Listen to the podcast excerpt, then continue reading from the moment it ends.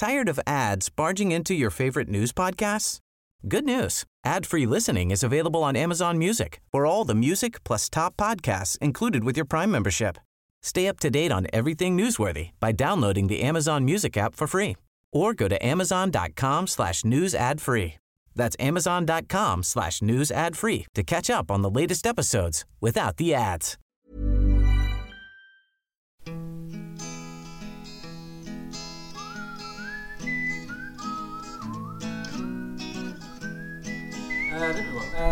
Ja, du uh, lyssnar på avsnitt 19 av 24 frågor. En intervjupodd från Ny till 24 och Acast och jag heter Karl Anders Lindahl.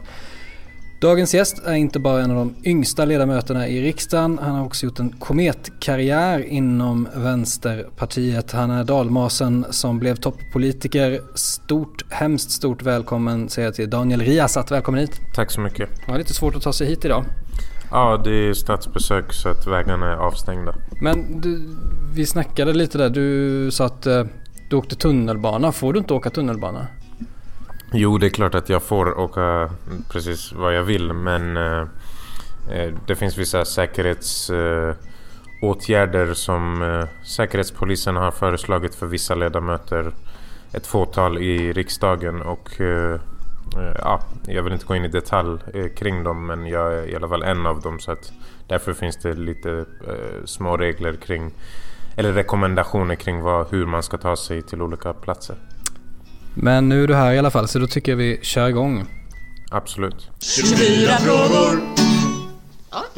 Fråga 1. När blev du vänsterpartist? Jag blev eh, vänsterpartist eh, när jag var 15 år gammal eh, och eh, hade bott här i ungefär fem och ett halvt år. Ehm, det var, jag, hade länge liksom haft vänsteråsikter och eh, de värderingarna och den ideologin har funnits i min familj ganska länge. Men jag tog steget till medlemskap när jag var 15. Då gick jag med i både Ung Vänster och i Vänsterpartiet. Kommer du ihåg att det var någon speciell händelse eller så där du kände att okej okay, nu gör jag det? Egentligen så började det tidigare. Det handlade om EMU-omröstningen. Mm. Jag gick i femman tror jag, hade bott där i två år. Jag var jätteupprörd över att uh, vissa ville att vi skulle in i EMU. Det var... Jag började engagera mig lite kring när det var invasionen av Irak, Afghanistan. Men sen så tror jag också att det faktiskt handlade mycket eller mest om att vi var en flyktingfamilj eh, som eh, Eh, ja, hade det ganska tufft under fyra år och var gömda i ungefär eh, tio månader eh, också. Ehm, och någonstans så kände jag då personligen att alla partier stöttade min familj. Alla de sju dåvarande partierna stöttade mitt, min familj men när det väl gällde så röstade man inte för en mer human flyktingpolitik. Och eh, då bestämde jag mig ganska definitivt att jag skulle gå med i Vänsterpartiet. Vi eh, kommer nog tillbaka lite till det där sen. Men fråga två. Vem var du i skolan? det beror på vilken årskurs eh, vi pratar om. På högstadiet så var jag eh, den som hade ja, men alltid hade typ de högsta betygen och eh, umgicks mest med tjejerna i min klass för att eh, de flesta av killarna var upptagna med att eh, ha på sig eh, olika slags eh, så kallade, vad ska man säga, ah, högerextrema tröjor och symboler och sånt. Så att jag umgicks mest med tjejerna. nu var ju, vi var ju bara barn så att jag har ingen som helst liksom, agg mot dem. Men Sen på gymnasiet så började jag ju bli mer och mer eh, engagerad i Ung Vänster mm. och eh, då kan man säga att medan mina skolkamrater satt och gjorde vissa prov så stod jag och delade ut flygblad i kafeterian. Ja okej, okay. var, var du den där jobbiga killen som alltid skulle snacka politik med alla? Alltid, ja exakt. Eh, alla mina lärare, med varenda människa jag mötte i princip så snackade jag bara politik. Jag har aldrig tänkt på det faktiskt men eh, det måste ha varit jobbigt för vissa. Ja, jag kan tänka mig. Speciellt de lärare som var borgerliga det ha varit extra eh, jobbigt. Uh, vi var inne på det lite innan. Uh, fråga tre. Ja, men när du var i 14-15 års åldern så gjorde du och uh, några kompisar en ganska intressant resa till, hit till Stockholm. Mm. kan du berätta mer vad det var som hände? Ja, um Ja, vi hade ju, min familj hade ju fått uppehållstillstånd, liksom, det var klart. Eh, men samtidigt så fanns det många andra som inte hade uppehållstillstånd. Och, eh, speciellt så handlade det om en kille då som jag kände som berörde mig extra. Eller jag kände inte han från början men genom gemensamma vänner lärde jag känna honom. Mm. Han hette Adel. Han kom hit som ensamkommande, fick inte uppehållstillstånd. Och eh, togs in till förvar också då eh, för att skickas tillbaka och då anordnade hans klasskompisar plus jag och några till då lite olika demonstrationer. Men då i samband med en av demonstrationerna här i Stockholm så eh, bestämde vi oss också för att gå till riksdagen. Eh, och för att eh, helt enkelt gå och lyssna på en migrationspolitisk debatt. Mm. Eh, och som du vet så röstar man ju, alltså i riksdagen funkar det som så att när man ska rösta igenom lagstiftning så debatterar man dem ungefär strax innan man ska rösta om dem. Eller åtminstone samma dag. Eh, eller dagen innan som mm. högst. Eh, I alla fall så var det väldigt många viktiga punkter. Vi tog oss till riksdagen, vi satte oss i åhörarläktaren. Eh, jag och en annan vän då förstod ganska snabbt att ja, alla partier röstar liksom eh, emot det vi tycker eh, kring olika migrationslagar. Mm. Eh, på vissa punkter så var Miljöpartiet liksom eh, helt okej. Okay. Eh, Vänsterpartiet var de enda då som vi ansåg röstade enligt vad vi tyckte. Mm. Och eh, då ringde jag även upp eh, flera riksdagsledamöter. För att när min familj var gömda och det var demonstrationer till stöd för min familj så som sagt så kom alla möjliga riksdagspartier höll tal på våra manifestationer och uttryckte sitt stöd för en human flyktingpolitik. Mm. Så då gick jag till dem. Eh, en av dem är faktiskt landshövding idag. Han heter eh, Kenneth eh, och landshövding i Värmland om inte jag är helt fel. Mm. Jag ringde han och så sa jag till honom att jag skulle vilja träffa dig utanför riksdagen. Träffade honom utanför riksdagen, utanför Riksgatan 1 det visade sig då att han skämdes ganska mycket mm. men han... Eh, vad ska man säga? Han sa att ah, du vet ju hur det är med partipiskan. Eh, och då sa jag till honom att liksom, tack för allt du har gjort för min familj men eh, jag kan inte ha respekt för en person som pratar på ett sätt under en demonstration och sen går och röstar på ett annat sätt. Och jag gjorde lika med några andra personer då.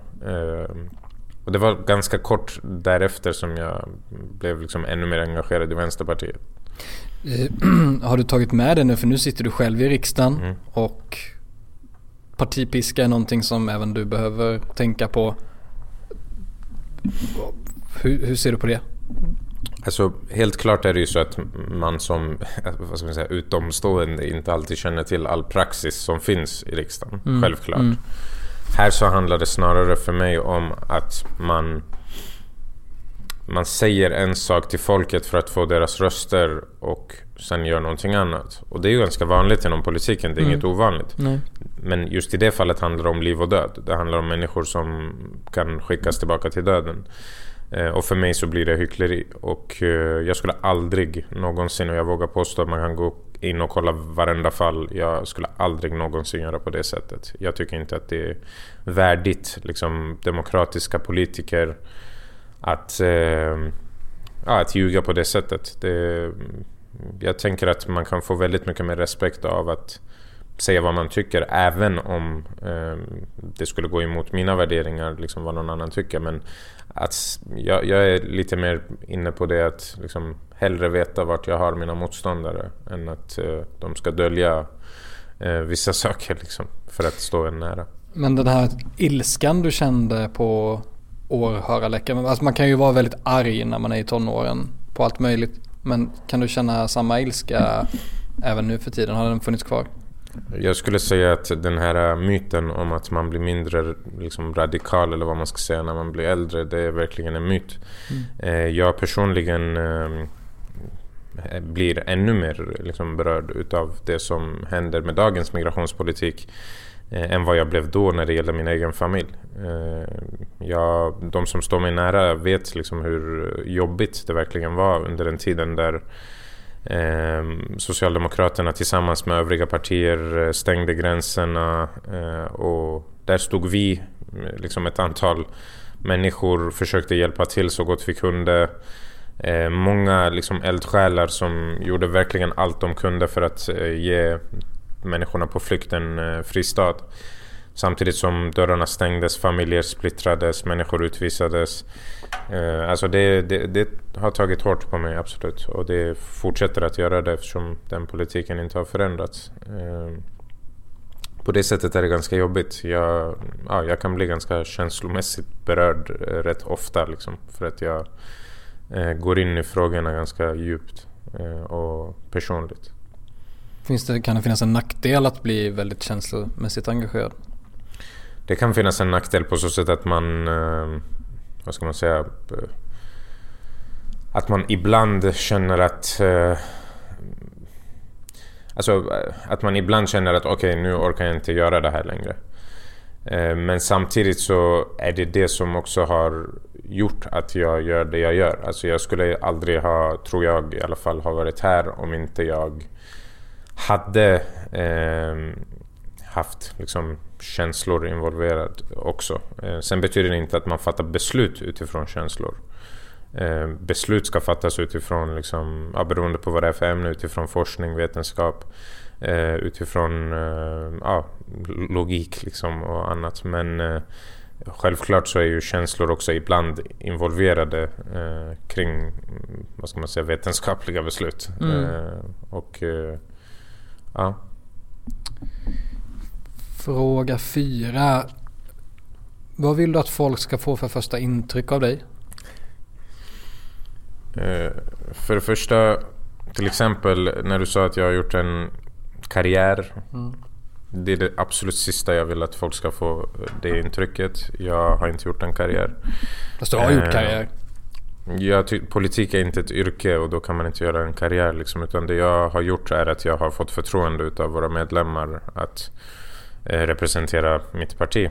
Eh, och eh, det skiljer sig från att liksom, bli befordrad inom ett företag. Och det brukar vara väldigt noga med mot journalister speciellt. Men jag skulle vilja säga att det första intrycket Alltså att, att jag är ganska principfast men ändå liksom går att snacka med. Att vad ska man säga? Att jag är ingen som... Jag är inte ute efter att... Eh, vad ska man säga? Bara, prata bara för sakens skull utan eh, ja, jag brukar nog oftast säga saker när jag känner att jag kan göra någon skillnad eller där liksom min åsikt absolut behöver höras. Eh, det är en ganska jobbig fråga det här. Jag har aldrig tänkt på vad, hur jag vill att folk ska uppfatta mig. Eh, för jag tänker att liksom, jag är mig själv och sen så får folk uppfatta mig som de vill. Eh, mm. Ja, det är nog det. De får egentligen uppfatta mig som de vill. Jag lägger inte så mycket tanke kring det. Mm. Ja, jag, tänk, jag tänkte på det själv när jag skrev, uh, jag skrev frågan. att Jag tror att... Uh, för jag har själv inte tänkt på det speciellt mycket. Men tänker jag att om man inte tänker på det speciellt mycket så är man väl i viss mån kanske ganska privilegierad. Att man känner att uh, man kanske inte är sådär hemskt blyg eller man kanske inte tänker så mycket Uh, tycker du att du är, liksom, du är en trevlig kille liksom? Alltså låt mig säga så här. Det finns få människor som har varit så blyga som jag har varit. Är det sant? Ja, alltså jag skulle ju aldrig kunna sitta och prata med dig på det här sättet för några år sedan. Mm. Eh, eller nu har det ju gått några år men alltså, i min tonår och allt det här så var jag väldigt, väldigt blyg. Eh, I min barndom, alltså då var det ännu mer. Det var verkligen, jag sa inte så mycket alls. Eh, jag pratade inte mycket alls. Förutom när det gäller liksom läxor, studier, sådana här saker. Ehm, så jag har förändrats ganska mycket. Mina släktingar eh, som jag har lite Skype-kontakt med från Iran brukar säga att de inte känner igen mig liksom, i hur jag var då när mm. jag var liten. Eh, just att eh, då pratade jag knappt och nu pratar jag så mycket så att de eh, typ vill be en att vara tyst. men privilegierad, ja till en viss del mm. kanske. och det handlar ju inte bara om att vara blyg eller inte, det kan ju handla om allt möjligt. Men jag skulle säga absolut att jag på vissa sätt är privilegierad. Men sen så kan man säga på ett sätt så är jag ju inte det eftersom jag vet att väldigt många människor tyvärr eh, gör sitt första intryck utifrån att jag inte ser ut som den infödda liksom, svensken, vita svensken. Och eh, det per automatik blir ju en nackdel eh, för min del. Eh, och, eh, ja. Ser du det på folk? Absolut. Absolut. Mycket mer vanligt idag än vad det var när jag gick med, liksom, blev politiskt engagerad. Eh, idag så ser jag det på ett helt annat sätt och i en helt annan omfattning mm. eh, än vad jag gjorde då. Då var det på något sätt så att, alltså inte inom mitt parti på det sättet, men då var det åtminstone så att folk som kanske tänkte så, för jag menar fördomar har alla, det är inte det jag är ute efter, mm. det har även jag. Men eh, då var det på så sätt att man inte sa liksom allting. Idag så är det ju också mycket mer verbalt. Eh, ja, det är även fysiskt tyvärr. Men det är liksom mera... Mm, man får höra det och se det på ett helt annat sätt. Eh, och jag skulle säga att den största anledningen till det eh, är också att ett visst parti blev invald till Sveriges riksdag. Att många fick liksom en, som en ryggdunk. Så här, fortsätt, gör som du vill. och ja, och nu kanske du kommer säga att de inte är här och kan försvara sig men... Nej, det är inte Sveriges Radio det här. Nej. Jag tänkte säga att det är ingen av oss som blir utsatta av dem är heller med när de brukar prata skit om oss. Så att... Fråga fem. Vi har inte hunnit längre än så, vad kul. Uh, fråga fem. Hur ofta händer det att du ångrar något du sagt eller skrivit? Ganska sällan faktiskt. Mm. Uh, Låt mig tänka. Jag... Eh...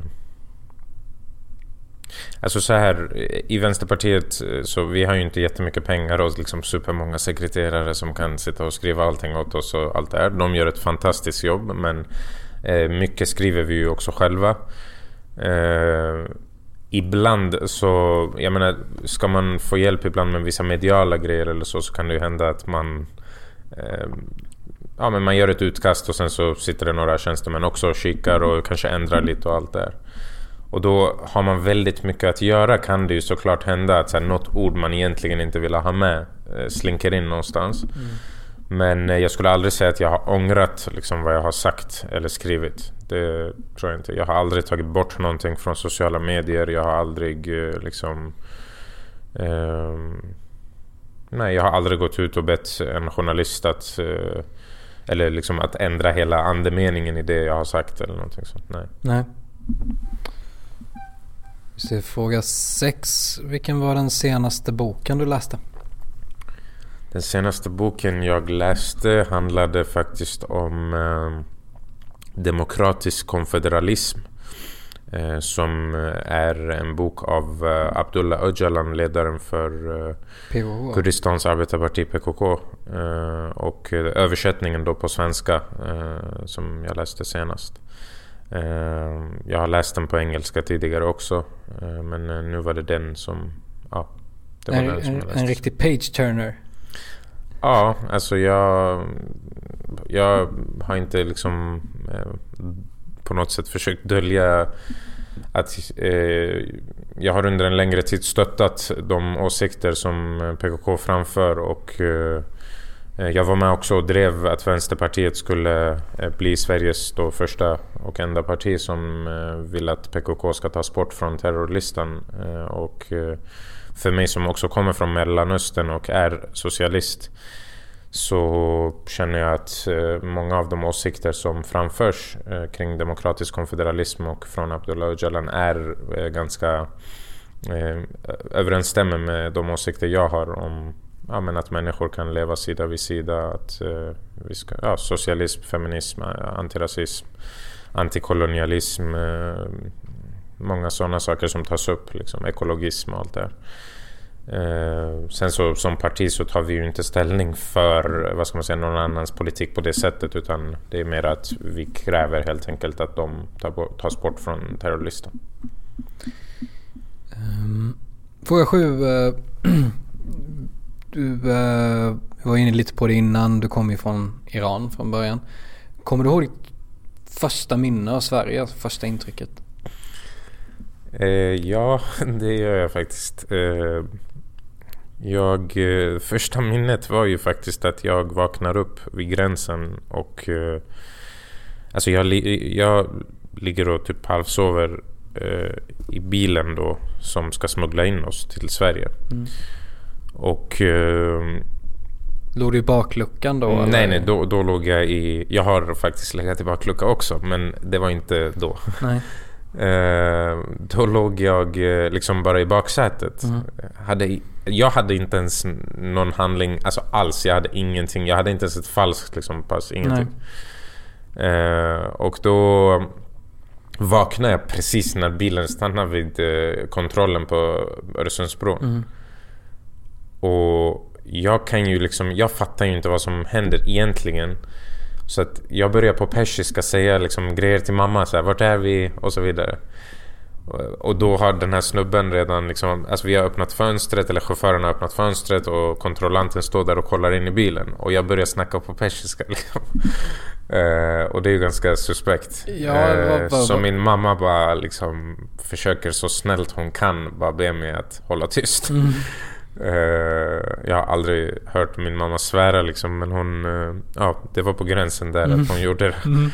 Uh, hon typ halvt höll för min mun för att jag skulle vara tyst. så då, ja det var mitt första minne och sen så råkade det faktiskt vara en väldigt schysst människa. Jag tror han förstod, mm. han som stod där i kontrollen. Mm. Fattade att vi var flyktingar men han lät oss passera ändå. och ja det var mitt första, första, första intryck. Um, hur, ofta, var, hur ofta händer det? För att det låter ju som att är liksom en, kanske inte en traumatisk händelse men det måste det var ett spänt ögonblick och ja, ja. Mycket, mycket hängde. Hur ofta tänker du på just det där när du låg i baksätet och började prata? Eh, jag tänker på det speciellt när det kommer till eh, liksom, dagens eh, debatter kring migrationspolitik och de ensamkommande som kommer hit idag och även andra, alltså flyktingfamiljer och andra skyddsbehövande. Så tänker jag väldigt mycket på den delen och också att vi var ju, pappa var ju ifrån oss i fyra år liksom. Mm. På grund av just hur, hur migration, vad ska man säga, flyktvägarna ser ut till Europa. Mm. Eh, han, uh, han blev tagen helt enkelt på vägen. Jag kan inte gå in på detaljer. Men eh, då, ja, och vi var ifrån honom i fyra år. Ungefär lika lång tid som det tog oss att få uppehållstillstånd.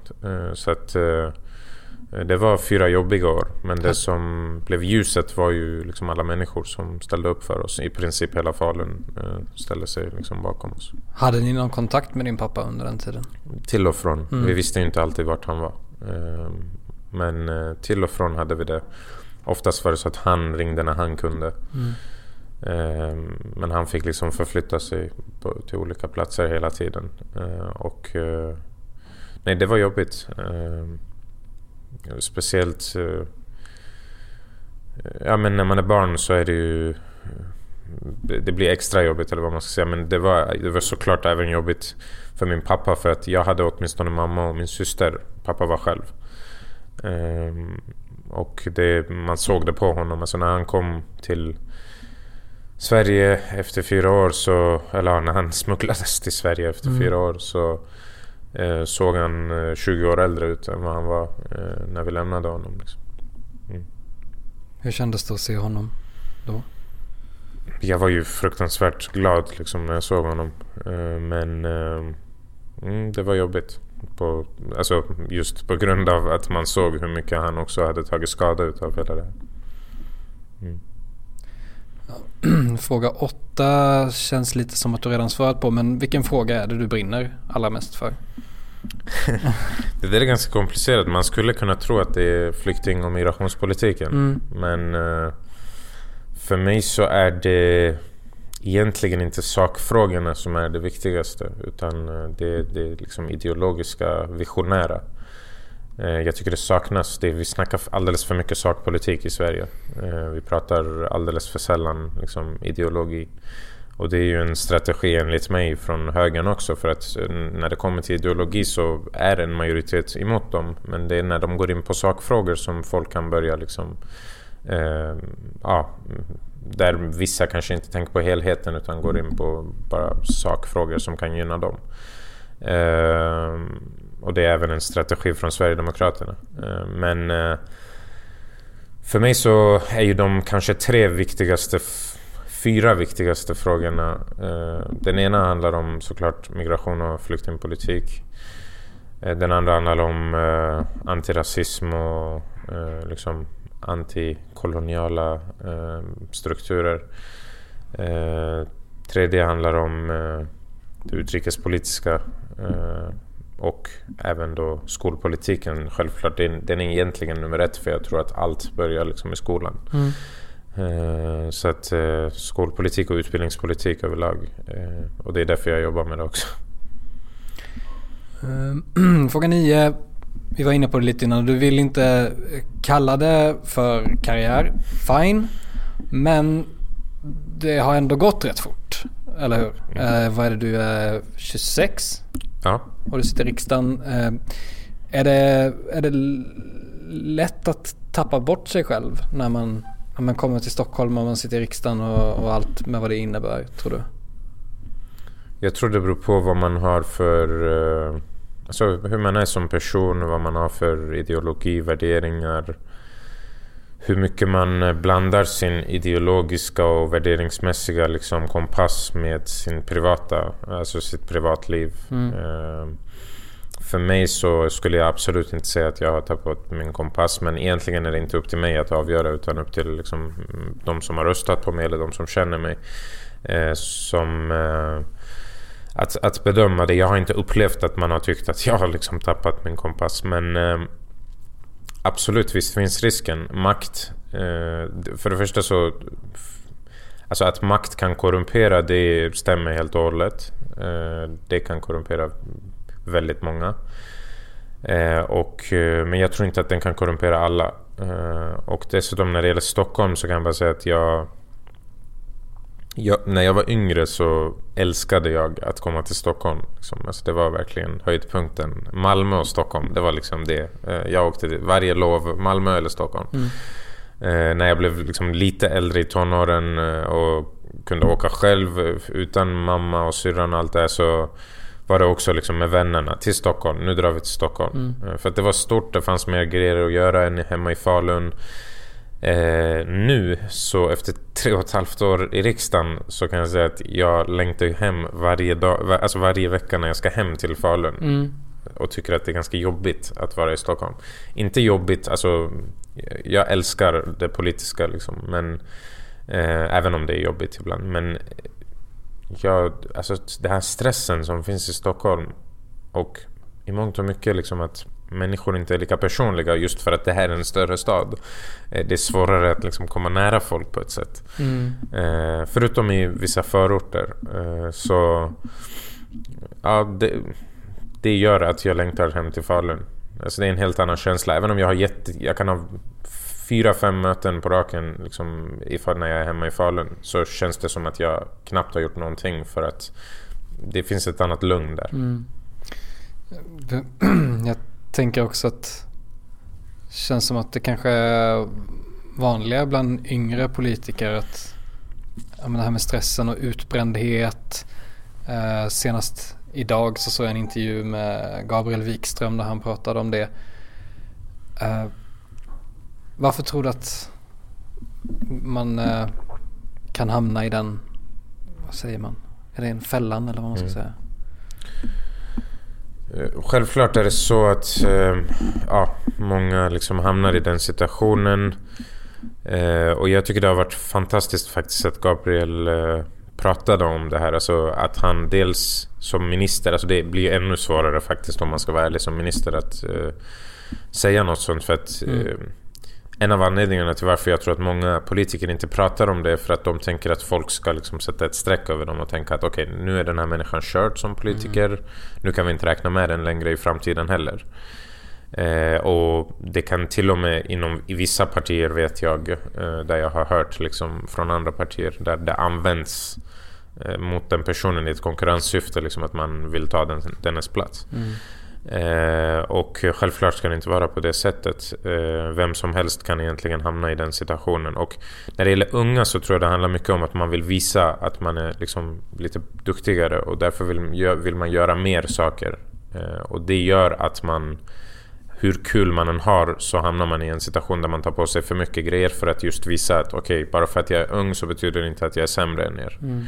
Mm. Eh, men jag ser ju också väldigt många äldre som blir, eh, alltså som inte är unga, som blir, eh, går i väggen och som blir ut, får utmattningssyndrom. Eh, och eh, generellt så känner jag att liksom, vi har byggt upp ett samhälle där människor eh, det har blivit någon slags robotsamhälle, individualistiskt samhälle där alla ska liksom gå till sina jobb, sköta sina jobb, jobba så mycket du kan. Eh, och det blir på något sätt... Eh, alltså vi, vi har inte tid att vila på samma sätt. Eh, vi har inte liksom tiden att göra det som vi vill. Eller allt blir liksom stressmoment helt plötsligt. Liksom. Även saker som man kanske skulle njuta av innan blir stressmoment.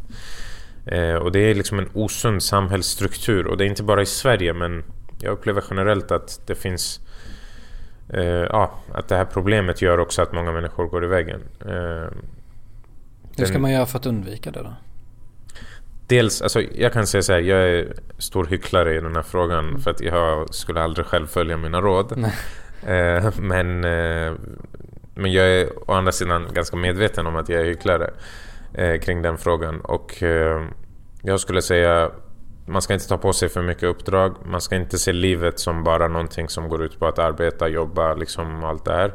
Och det här ska man säga, alltså det här säger jag då som är ganska privilegierad och har ett uppdrag mm. eh, där jag ändå har eh, pengar så att jag kan liksom eh, både överleva och spara och allt det här. Så att eh, jag menar inte att människor, liksom alla människor, folk inom arbetarklassen kan inte bara ah, jag, jag går inte till mitt jobb. Utan det, det förstår jag också. Men jag menar att eh, det här måste ju lösas politiskt. Liksom. Eh, men just inställningen till att livet inte bara går ut på eh, att slita ut sig. Det är mm. det jag menar. Eh, och politiskt så menar jag och Vänsterpartiet att vi måste liksom, ja, införa sex timmars arbetsdag med bibehållen lön. Eh, man måste se till att eh, fler människor kan arbeta inom välfärdssektorn, bland annat där det är väldigt mycket sjukskrivningar. Eh, för att det är för få händer, för att det är för långa dagar eh, och så vidare. Och det, sånt kommer ju att hjälpa liksom, arbetarklassen främst att sluta eh, eller att eh, slippa liksom, bli utbrända och utmattade. Det, och det är främst kvinnor också ska man säga som faktiskt eh, skadas av det här systemet som vi har idag. Fråga 10. Skulle du vilja bli partiledare någon gång? Jag har faktiskt aldrig tänkt på det. Ibland så kan vissa nah, vänner... Det måste, det måste du Nej men vänta. Ibland så kan vissa vänner liksom skämta om det och ja. så här, oh, du är partiledaren, så här, kom mm. och sådär. Jag har faktiskt inte funderat på att eh, liksom, jag, jag har verkligen inte tänkt på det. Eh, men det är klart att när mina vänner liksom driver om det så bara Ah, undrar hur Jonas Sjöstedt liksom har det.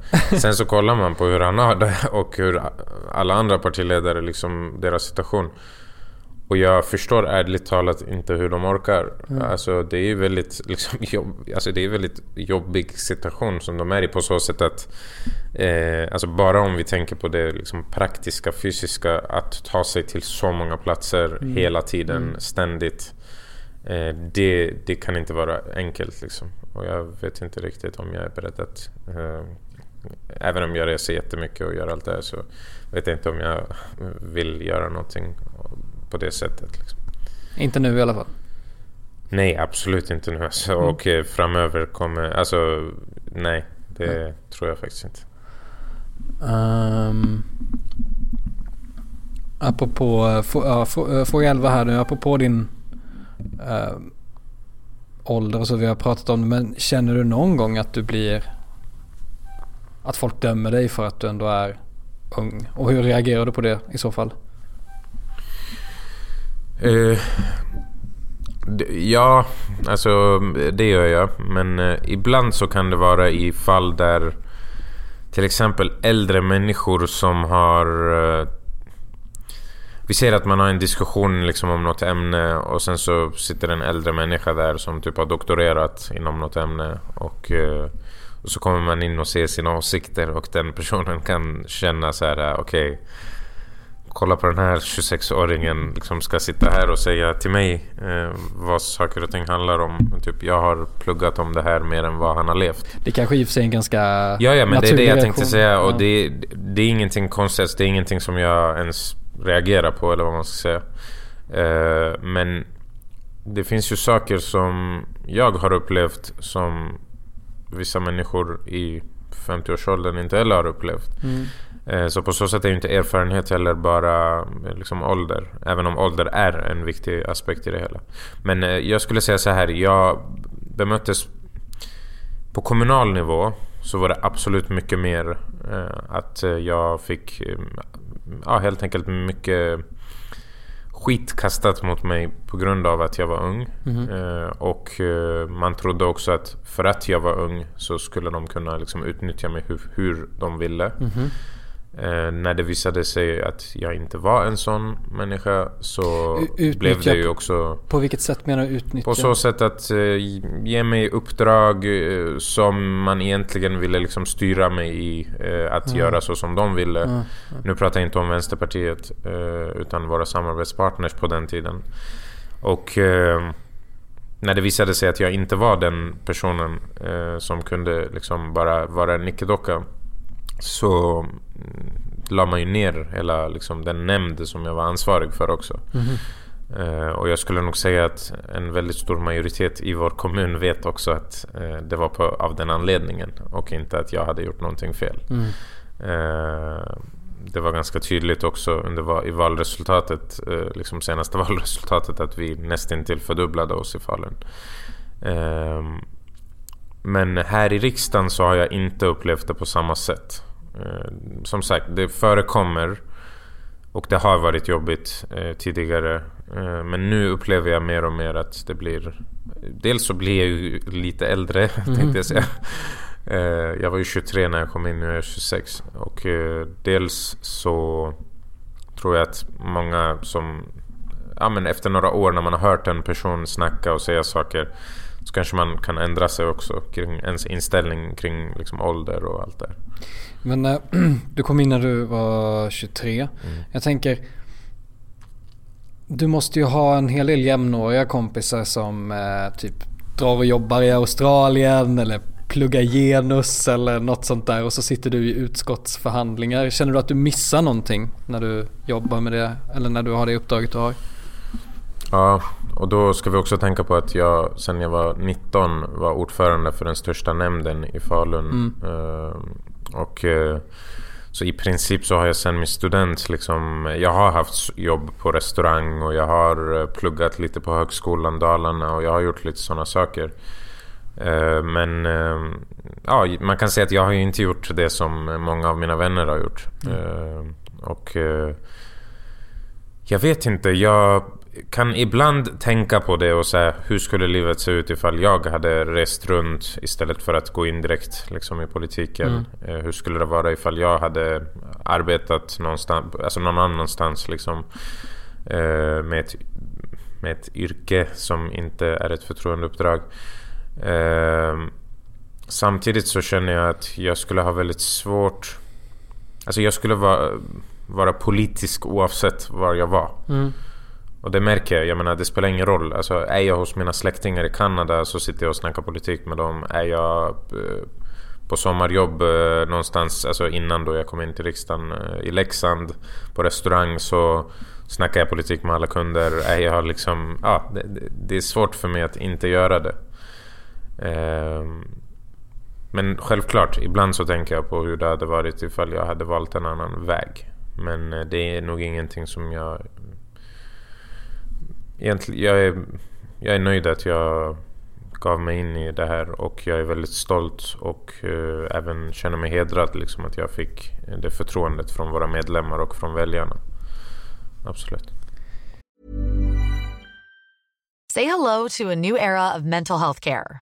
Cerebral is here to help you achieve your mental wellness goals with professional therapy and medication management support. 100% online. You'll experience the all new Cerebral Way, an innovative approach to mental wellness designed around you. You'll get a personalized treatment plan from a therapist, prescriber, or both in a safe and judgment free space. Your cerebral therapist or prescriber will outline a customized plan with clear milestones along the way so you can get to feeling your best. With Cerebral, you're not alone in your mental health journey. We're here to empower you to live a fulfilling life.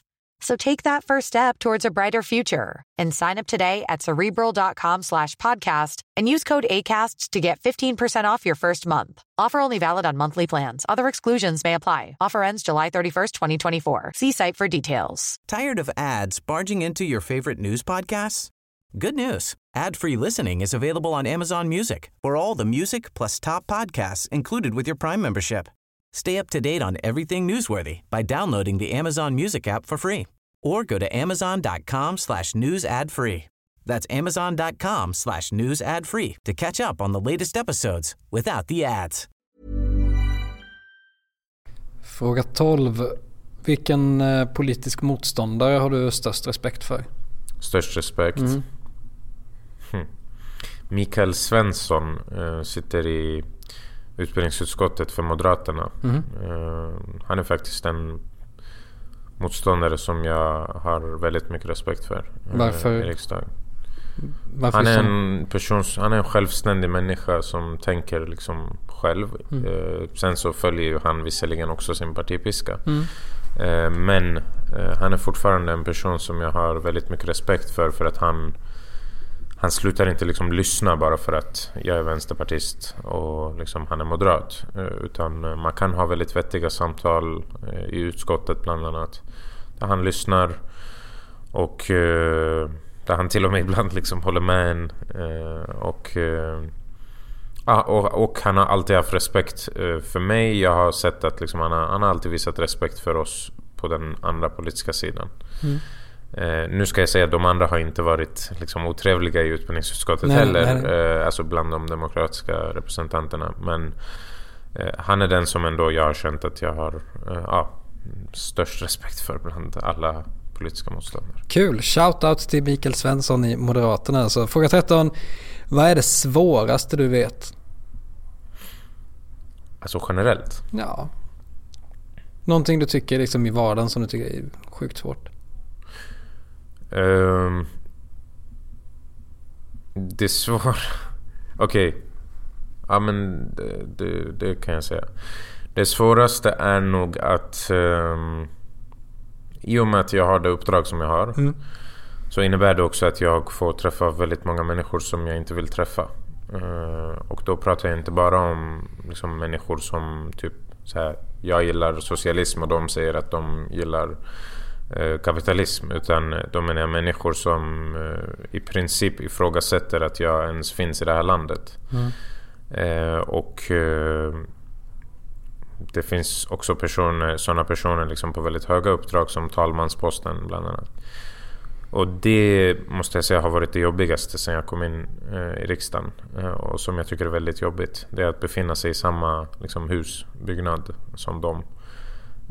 att att känna liksom... Ja, jag känner ett obehag.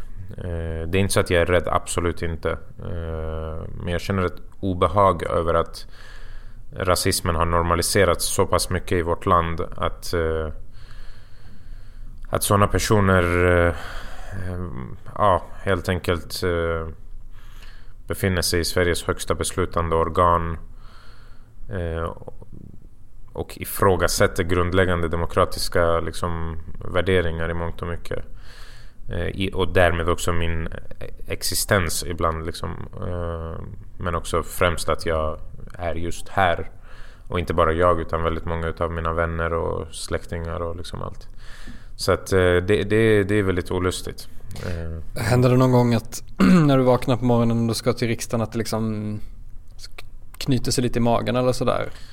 Ja, alltså jag bor jag har ju bott i samma byggnad. Jag flyttade ju en gång från en lägenhet för att jag var granne med Mattias Karlsson. Vi var de enda som bodde i den byggnaden. Ehm, jag kände inte alls att det gick liksom att bo kvar där eftersom det var... Ja, jag vet i vilka kretsar de här människorna umgås och det är inte sådana kretsar jag vill ska stå i min trappuppgång. Uh, nu så bor jag också i en annan byggnad liksom med Sverigedemokrater fast det som är skillnaden är att det bor väldigt många andra också. Mm.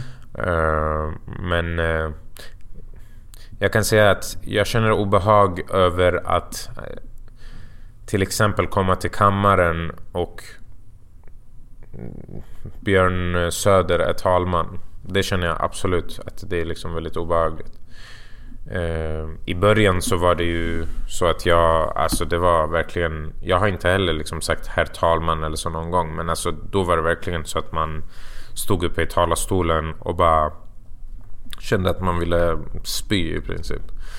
Eh, och det känner jag fortfarande idag. Men eh, man blir lite härdad efter eh, ett par år liksom, som man har suttit där. Mm. Ehm, men den känslan finns kvar absolut. Fråga 14. Hur tror du att det går i valet? Jättesvårt att säga. Jag tror faktiskt att... jag tror att det kommer bli en socialdemokratisk ledd regering, eh, tror jag. Uh, jag uh, är ganska osäker på resten faktiskt. Mm. För att uh, å ena sidan så säger ju Socialdemokraterna att de vill ha en rödgrön regering och liksom allt det här. å andra sidan så öppnar de upp sina dörrar för att ha centerpartister och liberaler i sin regering. Eh, eller åtminstone att liksom ta stödet av dem. Så att eh, det känns väldigt osäkert. Jag tror att Vänsterpartiet kommer öka eh, i det här valet jämfört med förra valet och vi kommer ligga ganska bra till jämfört med liksom, de senaste valen. Sverigedemokraterna tror jag beror alldeles på hur också de andra partierna agerar. ju mer man normaliserar dem Alltså det, det, finns ju en gräns. Alltså till ett tag normaliserar man dem väldigt mycket så ger man ju dem rätt vilket gör att de kan ta poäng för det. Sen går det över en viss gräns så kan det ju också bli så att till exempel i Moderaternas fall att man eh, blir en, ja men typ en kopia utav dem och då kan ju faktiskt väljare tänka sig att kunna gå över till Moderaterna. Eh, men man kan då lika enkelt förlora tillbaks dem till dem eh, på grund av att liksom, ja, det blir den som är bäst kopia av den andra som vinner. Eh, och Socialdemokraterna hänger det också väldigt mycket på. Jag tror Socialdemokraterna är nog de som kanske påverkar valen mest på så sätt att ja, men närmar de sig Moderaterna eller inte? Är det liksom bara retorik att de vill göra det ena och det andra? Sånt påverkar ju mycket. Vi såg när Göran Persson tog det för givet att han skulle vinna och slutade liksom vara den socialdemokrat som många förväntade sig att han skulle vara. Mm. Eh, mera liksom åt vänster. Så förlorade han ju på det. Och Reinfeldt lyckades eh, göra något som ingen annan moderatledare har gjort någonsin. I många andra länder, Frankrike, Storbritannien, eh, Spanien och så vidare så pratar man om en slags vänstervåg och era systerpartier går väldigt bra. Ni står och stampar lite i opinionen. Var, varför har, har, vi ingen eh, vänstervåg i Sverige på samma sätt tror du? Generellt så måste man säga att norra Europa är lite, har varit lite svårare än, eh, än södra Europa. Mm. Äh, med undantag då i Island kanske då som äh, där vi faktiskt har fått en vänster liksom, premiärminister faktiskt då som är vänsterpartist. som vi är väldigt glada över. Och det har några olika anledningar. Jag tror dels att vi har haft en väldigt mycket starkare socialdemokrati i Sverige eh, än i de flesta andra länderna. Mm. Eh, visst, alltså Socialdemokraterna har varit starka i hela Europa men i Sverige så har det varit ändå någonstans frontfiguren för socialdemokratin i, världen. Skulle jag säga. Mm. Eh, det gör ju såklart jobbet eh, svårare för oss. Även om Socialdemokraterna idag inte ens är liksom... Alltså, ja, vi kan inte ens prata om vänster utan nu menar jag att de är inte ens socialdemokrater längre. Eh, men det, det, ju, det, gör jobbet svårare. Men sen så är det inte alltid andras fel heller. Alltså vi måste ju själva ta på oss och vara självkritiska till varför vi inte har lyckats nå ut till folket på ett annat sätt. Mm. Eh, Vad består den självkritiken av? Den självkritiken sen tidigare har varit bland annat att vi till exempel har varit för dåliga på att säga saker vi har fått igenom. Vi har ju varit en del utav liksom, det tryck mot socialdemokratin som har lett till många framgångar alltså i Sveriges välfärdshistoria. Eh, vi har varit liksom, vi vann EMU-omröstningen i princip ensamma som vänsterparti. Mm. Eh, alla andra partier var emot oss. Eh, kapitalet var emot oss. Liksom alla var emot oss. Ändå så vann vi. Eh, vi har varit lite för dåliga på det. Eh, och eh, på att visa det liksom. Och ja, visa mera självförtroende. Eh, visa att vi faktiskt är ett parti som inte bara pratar. Vi är inte liksom de som bara står vid sidan och snackar. Utan vi kan faktiskt... Eh, vi skulle kunna ta över liksom regeringsmakten om det så eh, blev imorgon. Liksom, om väljarna ville det. Mm. Eh, och det har vi nog visat också bland annat genom hur mycket vi har fått igenom i budgetförhandlingarna. Eh, vi har ju fått igenom mer än vad liksom Miljöpartiet som sitter i regeringen har fått igenom. Eh, så att eh, någonstans är det en blandning av allt. Sen så personligen så tycker jag också att den mediala liksom, bilden har inte heller alltid hjälpt oss. Eh, och då menar jag att ja, väldigt mycket Alltså väldigt många ledande liksom, eh, ledarskribenter och allt det här har ju också ganska ständigt och de är dominerande liksom, högerkrafter som ständigt har försökt eh, sprida en bild av oss som inte stämmer. Eh, det, det, det, det, totalitära, det, eller vad, vad, är det du... Ja, precis. Alltså att man eh, ständigt, så fort argumenten liksom tar slut så går man in i det här med att eh, ja, men Vänsterpartiets mörka historia och allt det här. Och det är ganska intressant för att vi har aldrig någonsin försökt dölja den. Alltså vi har aldrig försökt dölja det negativa i vår historia. Eh, våra ledare har till och med skrivit böcker om det. Man har liksom pratat om det i intervjuer. Man har sagt liksom allting väldigt öppet. Till skillnad från till exempel Moderaterna som till och med skrev om sin partihistoria liksom för att kunna eh, få mer acceptans för den. Eh, men det är klart att det gör det svårare. Alltså har du i princip liksom hela den mediala eh, mediala eliten eh, i form av olika ledarskribenter och så emot dig så blir det svårt. Eh, men samtidigt så är det något vi har lärt oss det är ju också att vi kan inte bara skylla på sådana saker heller. För att en sån som Bernie Sanders blev knappt insläppt i media fram till liksom tre månader innan, hans, eh, innan valet i USA. Mm. Och eh, han lyckades ändå bygga upp också ett förtroende bland människor som gjorde att mm, människor tittade kritiskt på sådana liksom, artiklar. Eh, på sånt som kom ut liksom, som var fake news egentligen om honom.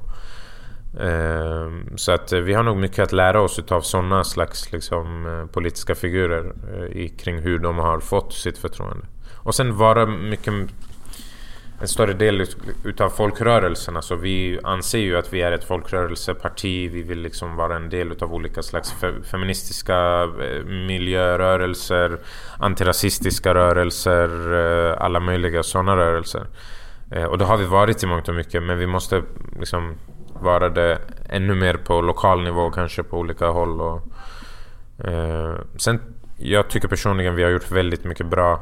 Alltså kollar man, just när, alltså om vi går tillbaka till flyktingfrågan.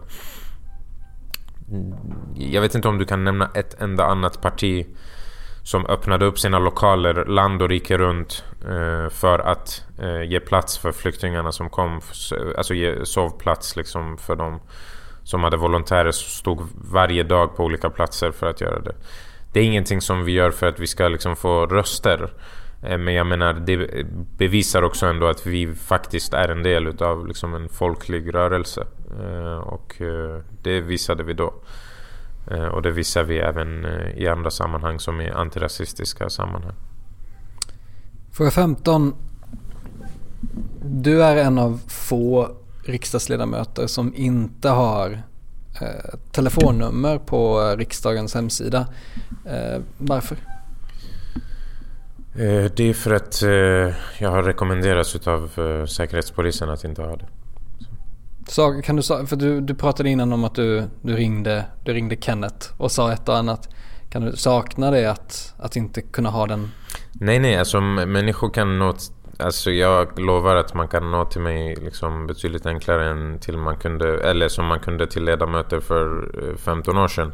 Eh, man kan ringa till riksdagens växel och eh, söka mitt namn så mm. kommer de att koppla det till mig. Man kan mejla mig, man kan facebooka, twittra, instagramma, till och med snapchatta till mig. Så det, det går alldeles utmärkt.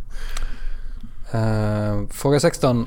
Du vill inte skaka hand med SD i riksdagen. Varför inte? För mig så är det här inga liksom vilsna så väljare som bara har råkat uh, gå på uh, någons lögner. Liksom, utan det här är människor som företräder den absolut mest organiserade rasismen i Sverige.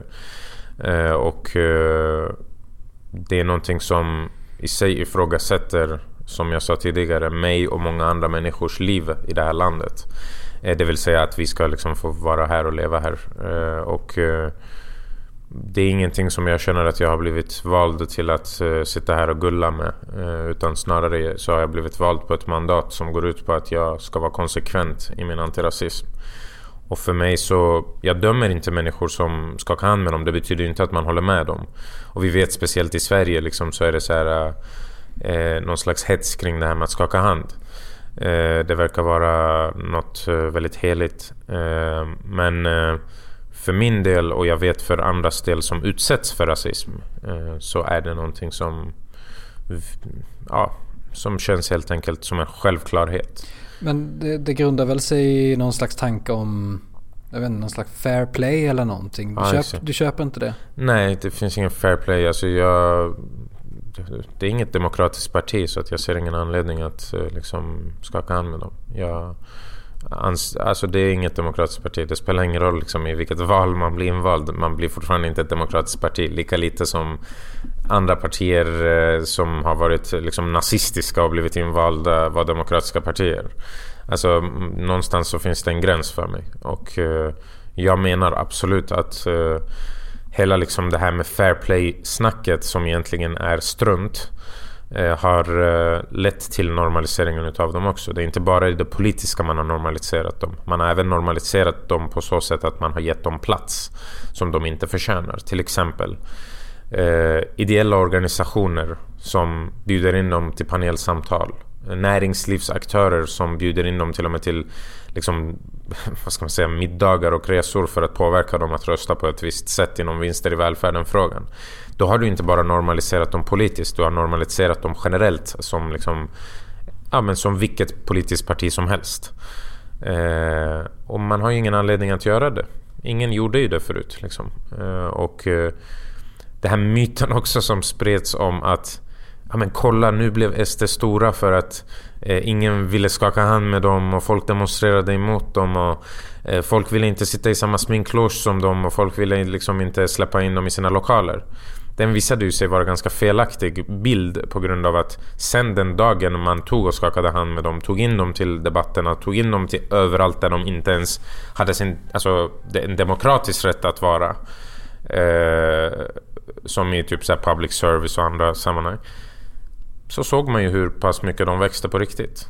Eh, man sa så här, ja men bara vi går och säger att eh, presentera fakta om invandringen och om rasismen så kommer SD att sjunka. Ja, hur pass rätt fick de personerna som sa på det sättet? Inte alls. Eh, det spelar ingen roll vilka argument du har om invandring. Det kvittar vilka argument du har om rasismen.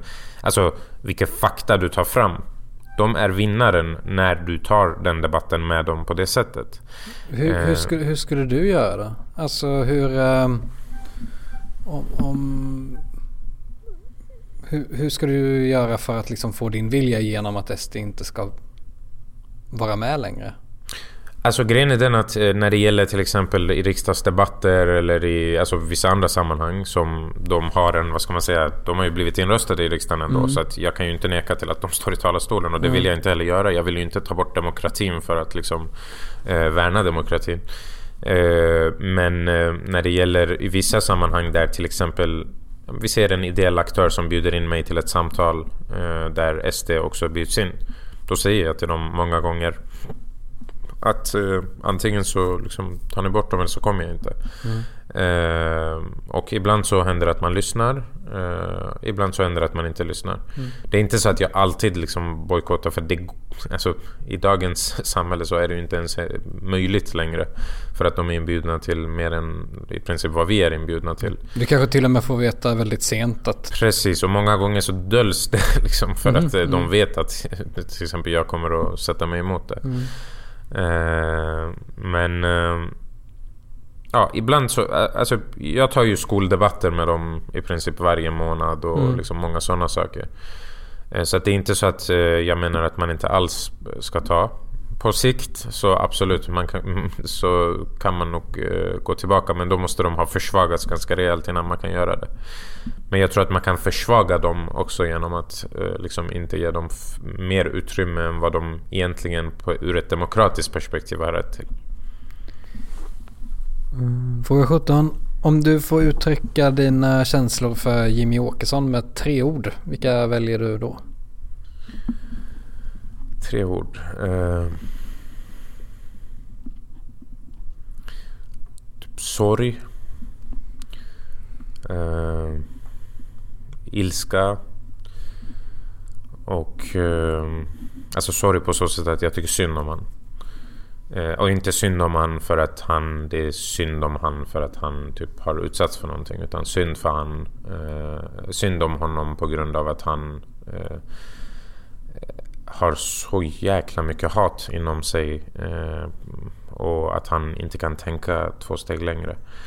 Eh, ilska för att han eh, ja, helt enkelt är en rasist eh, och en rasistisk ledare. Eh, och sen så känner jag... Eh, vad känner jag mer? Ett ord till.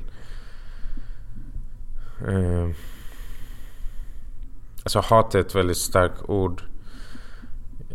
Det är liksom inte så många människor som jag hatar men jag skulle nog kunna säga att jag eh, hatar Jimmy Åkesson på så sätt att han, ja, återigen på grund av liksom vad han företräder för åsikt. Eh, eller ja, åsikt och åsikt. Vad för slags hat han företräder. Eh, så det är nog de tre. Ja, kan verka som att liksom jag inte ser personen bakom och allt det här som är väldigt... Eh, eh, vad ska man säga, som man brukar säga i Sverige. Eh, men jag menar att man kan inte skilja på sak och person i det här fallet. Utan eh, i det här fallet så handlar det om eh, en antidemokratisk människa som eh, helt enkelt egentligen på sikt är ett hot mot det demokratiska systemet. Och eh, då menar jag att man... Eh, alltså ja, det vore väldigt konstigt om jag speciellt som är en av de som påverkas utav rasismen eh, liksom i min vardag eh, inte skulle känna ett hat mot det. Eh, mm. Fråga 18. Har du någon... Förlåt, får jag bara backa lite? Ja. Jag vill bara säga att det hatet jag pratar om är inte ett hat som går ut på att liksom eh, vad ska man säga, jag tror att alla människor kan förändras. Eh, så det hatet eh, menar jag inte är... Eh, det är inte det hat som jag själv sen fördömer. Eh, utan det är ett hat på så sätt att... Eh, alltså där kommer vi in mera på den känslomässiga biten. Mm, mm. deras hat är ju liksom en grej som de har tänkt ut så här. Nu ska vi hata på de här människorna för att få igenom vår, vår vilja. För mig handlar det om att jag hatar Jimmy Åkesson för att han har typ gjort livet svårare för oss eh, i Sverige. Eh, och det är därför. Så vill jag bara påpeka. Okej. Fråga 18. Har du någon ovana du skäms lite över? Eh, vänta ska vi se. Har jag någon ovan? Ja, det har jag. Vilken då? Ehm, nu kommer det speciellt eh, mina närmsta vänner och eh, familj att eh, tycka att det här stämmer helt och hållet. Det är att jag, jag har egentligen väldigt svårt för att passa tider. Och, du var ju 25 minuter sen till den här Precis, intervjun. nu, exempel. faktiskt den här gången så vet du att det inte var mitt fel Nej, för att alla vägar inte. var avstängda. Och det här var inget så här påhitt, typ så här, någon blev påkörd och jag kom för sent. Utan eh, jag har generellt haft svårt för att komma i tid. Jag har aldrig kommit för sent eh, till eh, alltså, så voteringar eller sånt. För att det, jag menar, jag är inte... När jag säger att jag har svårt att komma för sent så fattar jag ju också att jag är invald på ett mandat och inte kan liksom komma för sent till allting. Jag har inte missat beslut eller något sånt. Eh, men däremot så bestämmer jag och mina vänner till exempel att vi ska ses en viss tid så kan jag komma väldigt mycket senare än det. Och de flesta av mina vänner har också svårt att komma i tid. Men just de som inte har det brukar irritera sig på det här. Liksom. Ja men det är ju irriterande om man ska sitta och vänta på någon. Jag håller med. Jag håller med. Min pappa brukar säga att här, du måste, det är att du inte värderar deras tid liksom, eh, utan att du tänker att din tid är viktigare än deras. Och det stämmer ju till en viss del. Mm. Ja, alltså rent om man tänker praktiskt liksom. Mm, Eh, Men samtidigt så tänker jag att om man har varit vän med mig i tio år så kanske man ska räkna med att jag kommer en halvtimme för sent och komma själv en halvtimme för sent. Ja, eh, min eh, bästa polare kommer alltid en kvart, 20 minuter för sent. Så jag är ju aldrig i tid jag heller. Exakt. Men det tog ju några år innan man lärde sig det. Precis. Så, eh, fråga 19. Eh, ganska kul grej. Jag bildgooglade dig när jag gjorde research. Och då är det så att ja, de flesta bilderna är ju på dig eller från riksdagens hemsida och sånt där. Men typ var femte bild någonting är en bild på dig tillsammans med Hanif Bali. Ni verkar eh, så här, hamna i luven på varandra hela tiden. Vad tycker du om Hanif Bali? Alltså jag tycker inte speciellt mycket på så sätt att jag försöker att typ låtsas som att han eh, inte finns i min värld. Eh, men eh, vad jag tycker om han är att han... Eh, det är en person med väldigt mycket självhat. Eh, med... Alltså... Okej, låt mig säga så här. För mig är Hanif Bali Precis på samma sätt som Sverigedemokraternas riksdagsledamöter. Exakt samma. Mm, jag ser ingen som helst skillnad. Så kan jag säga. Skakar du hand med Hanif Bali? Jag har gjort det. Jag kollar knappt på honom längre för att jag tycker han har blivit väldigt mycket värre och väldigt mycket mer inhuman i sitt sätt att prata. Eh, speciellt senaste året. Eh, så att eh, visst, alltså det är inte så att jag kommer kanske någon dag att göra det. Eh, för han har ju uppenbarligen förändrats väldigt mycket åt ett håll. Kanske någon dag kan förändras åt ett annat håll. Men eh, jag tänker inte liksom på något sätt försöka prata han till eh, att bli eh, mindre självhatisk. Eh, utan eh, ja, jag tycker bara väldigt synd om att han har så destruktiva synsätt på...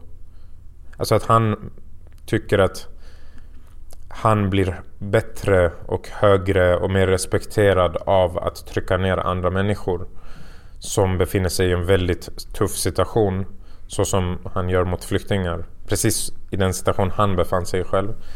Eh, det tycker jag är väldigt... Eh, det är vidrigt.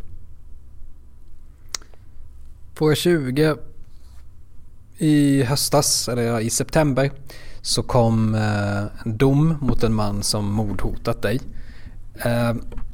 Behöver inte gå in på detalj liksom, men för någon som aldrig gått igenom en sån grej, hur, hur tacklar man det som person?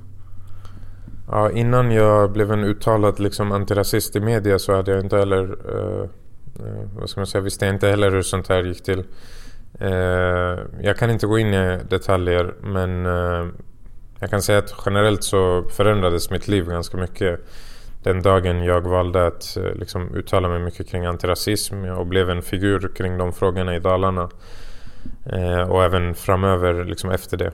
Eh, jag har ju blivit utsatt för eh, fysiska liksom, överfall. Eh, och när det gäller eh, mordhot och sånt så har det varit ganska vanligt liksom, förekommande de senaste åren och eh, ja, i, i, ett antal år faktiskt. Eh, jag har, man, alltså det här är hemskt att säga men jag har blivit van vid det här. Eh, även om det går i perioder. Ibland så kan kommer det inte in någonting alls. Sen så är man med i en debatt om migrationspolitik eller någonting så bara kaosar det till i ens inkorg.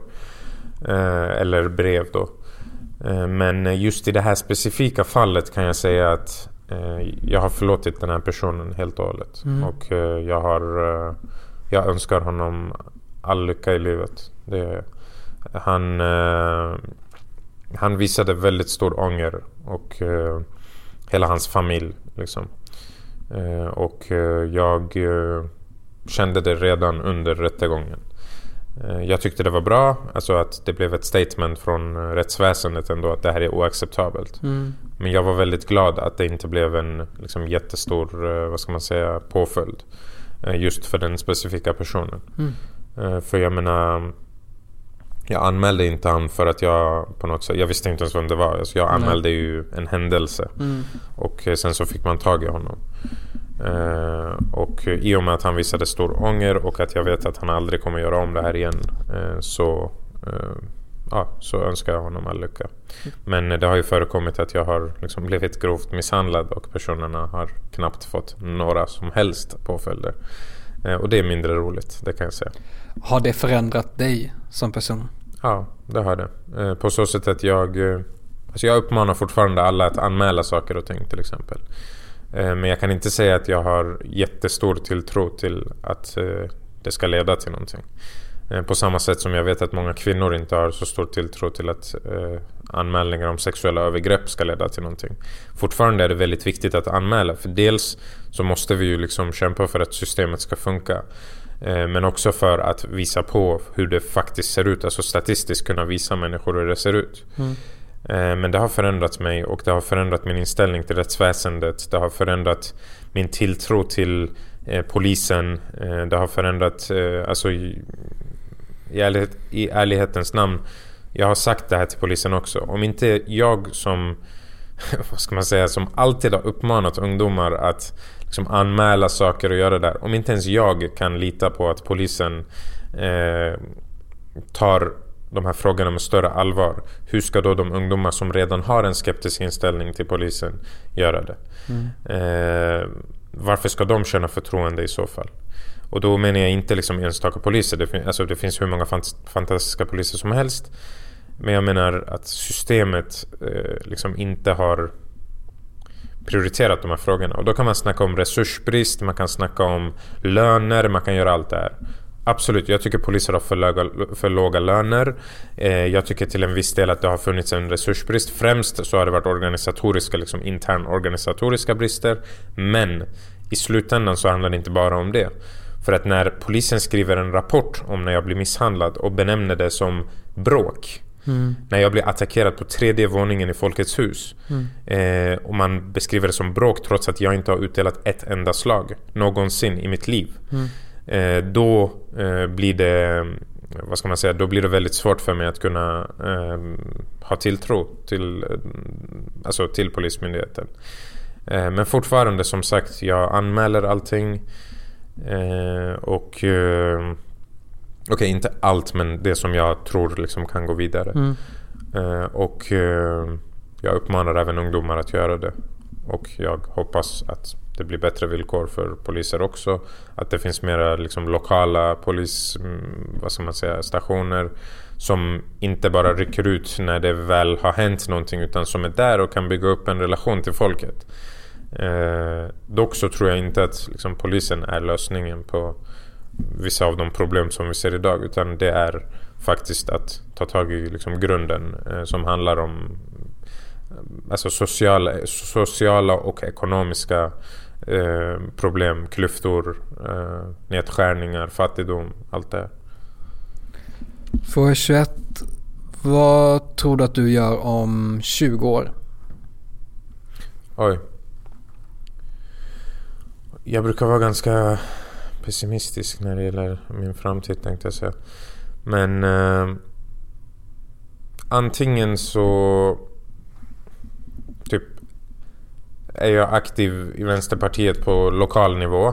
Eh, alltså i kommunen liksom på något sätt. Jag vet inte alltså om, det är något, om jag har något uppdrag eller så men att jag är mm, hemma i Falun och liksom håller på med eh, olika saker, aktivistiska grejer mm. eh, med partiet. Eh, för det är lite det jag kan säga att jag ser mig som. Jag ser mig inte... Det är klart att jag är en parlamentariker nu liksom, men eh, jag ser mig... Jag skulle aldrig se, kunna bara vara parlamentariker utan att liksom behålla det aktivistiska i mig. Eh, jag tror att man måste kombinera bägge. Mm. Eh, men om 20 år, ja, jag är nog hemma i Falun och gör politik. Eh, alternativt eh, befinner mig någonstans ute i världen och liksom eh, sysslar med någon vänsterorganisation eller grupp eller liksom parti eller någonting. Eh, gör det som saker som jag kanske inte har hunnit göra när jag var 20 år gammal eller 19 eller 18. Något sånt. Fråga 22. Finns det någon politisk fråga som du har noll feeling för? Som du verkligen inte bryr dig om?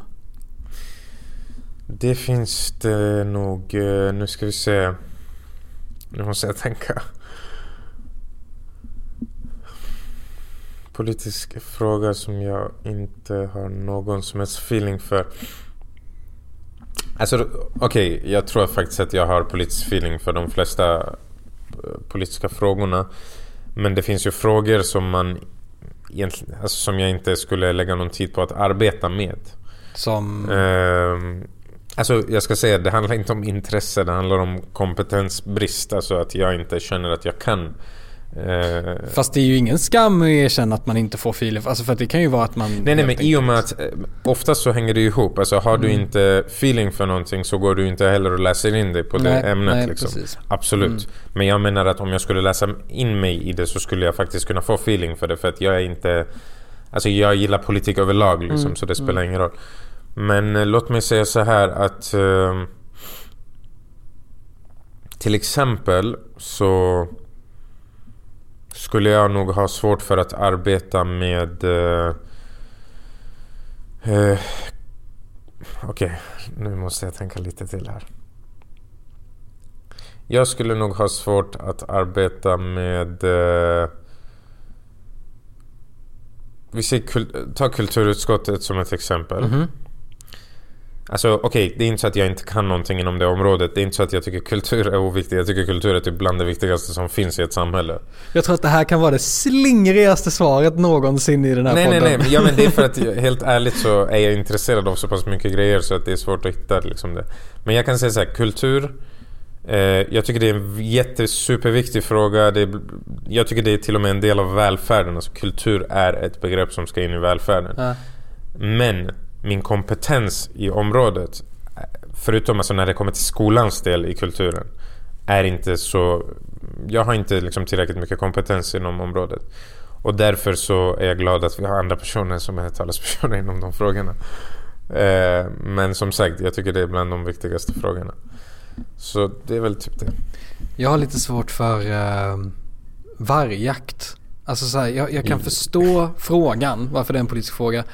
Men när jag ser den nivå av engagemang vissa människor känner för det här. Då märker jag att jag ligger ganska långt efter. Jag kan inte riktigt... Jag kan inte riktigt jag kan känna så för jag är från Dalarna. Så ja, ja, det är okay. där vargjakten utgår Okej, okay, ja jag får ge mig det. Jag är smålänning, jag har inga vargar. Nej precis. Um, jag tror många stockholmare känner som du. Mm. Fråga 23. Eh, du har uh, rätt bra skägg och du är oftast välkammad. Uh, hur mycket tid lägger du varje morgon på att fixa dig, grooma? Okej, okay. jag jobbar på skägget faktiskt just nu men den är inte där jag vill att den ska vara. Men jag lägger inte så mycket tid alls på Nej. det. jag har lagt mer tid förut när Aha. jag var liksom yngre. Mm. Inte på skägget speciellt men alltså Eh, jag trodde på något sätt att tiden jag la gjorde att jag eh, såg bättre ut, vilket inte alls var sant. Har du plockat ögonbrynen någon Nej, nej, det har nej. jag aldrig gjort. Eh, men nej, absolut inte, det har jag inte. Men jag kan säga så här, jag lägger ungefär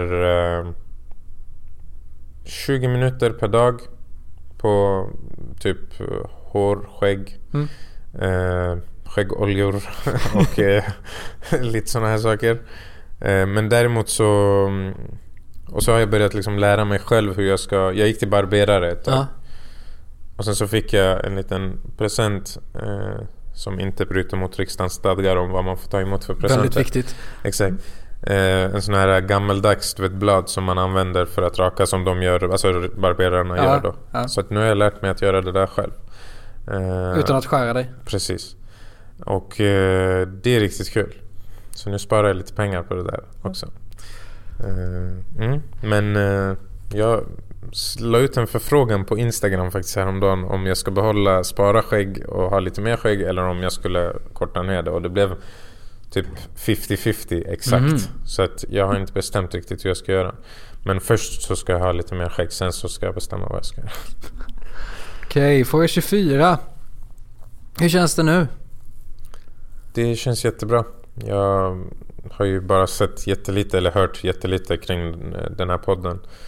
Och eh, det känns bra att ha varit med här och det känns kul att eh, komma in i det här valåret. Det kommer bli ett smutsigt val, valår, jag känner det på mig. Det märktes redan på debatten idag där man från vissa liksom beskrev en krigsbild av Sverige. Mm. Eh, men eh, det känns ändå roligt att få vara med och eh, driva det som jag brinner för liksom, och som min ideologi och Vänsterpartiets ideologi.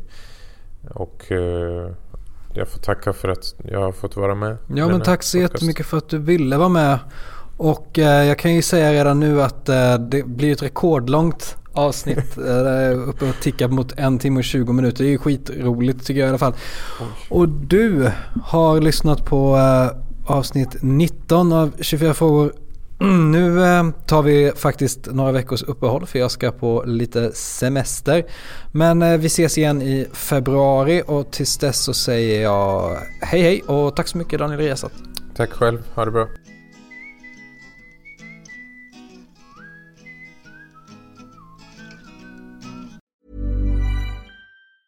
Tired of ads barging into your favorite news podcasts? Good news. Ad-free listening is available on Amazon Music for all the music plus top podcasts included with your Prime membership. Stay up to date on everything newsworthy by downloading the Amazon Music app for free or go to amazon.com slash news ad free. That's amazon.com slash news ad free to catch up on the latest episodes without the ads.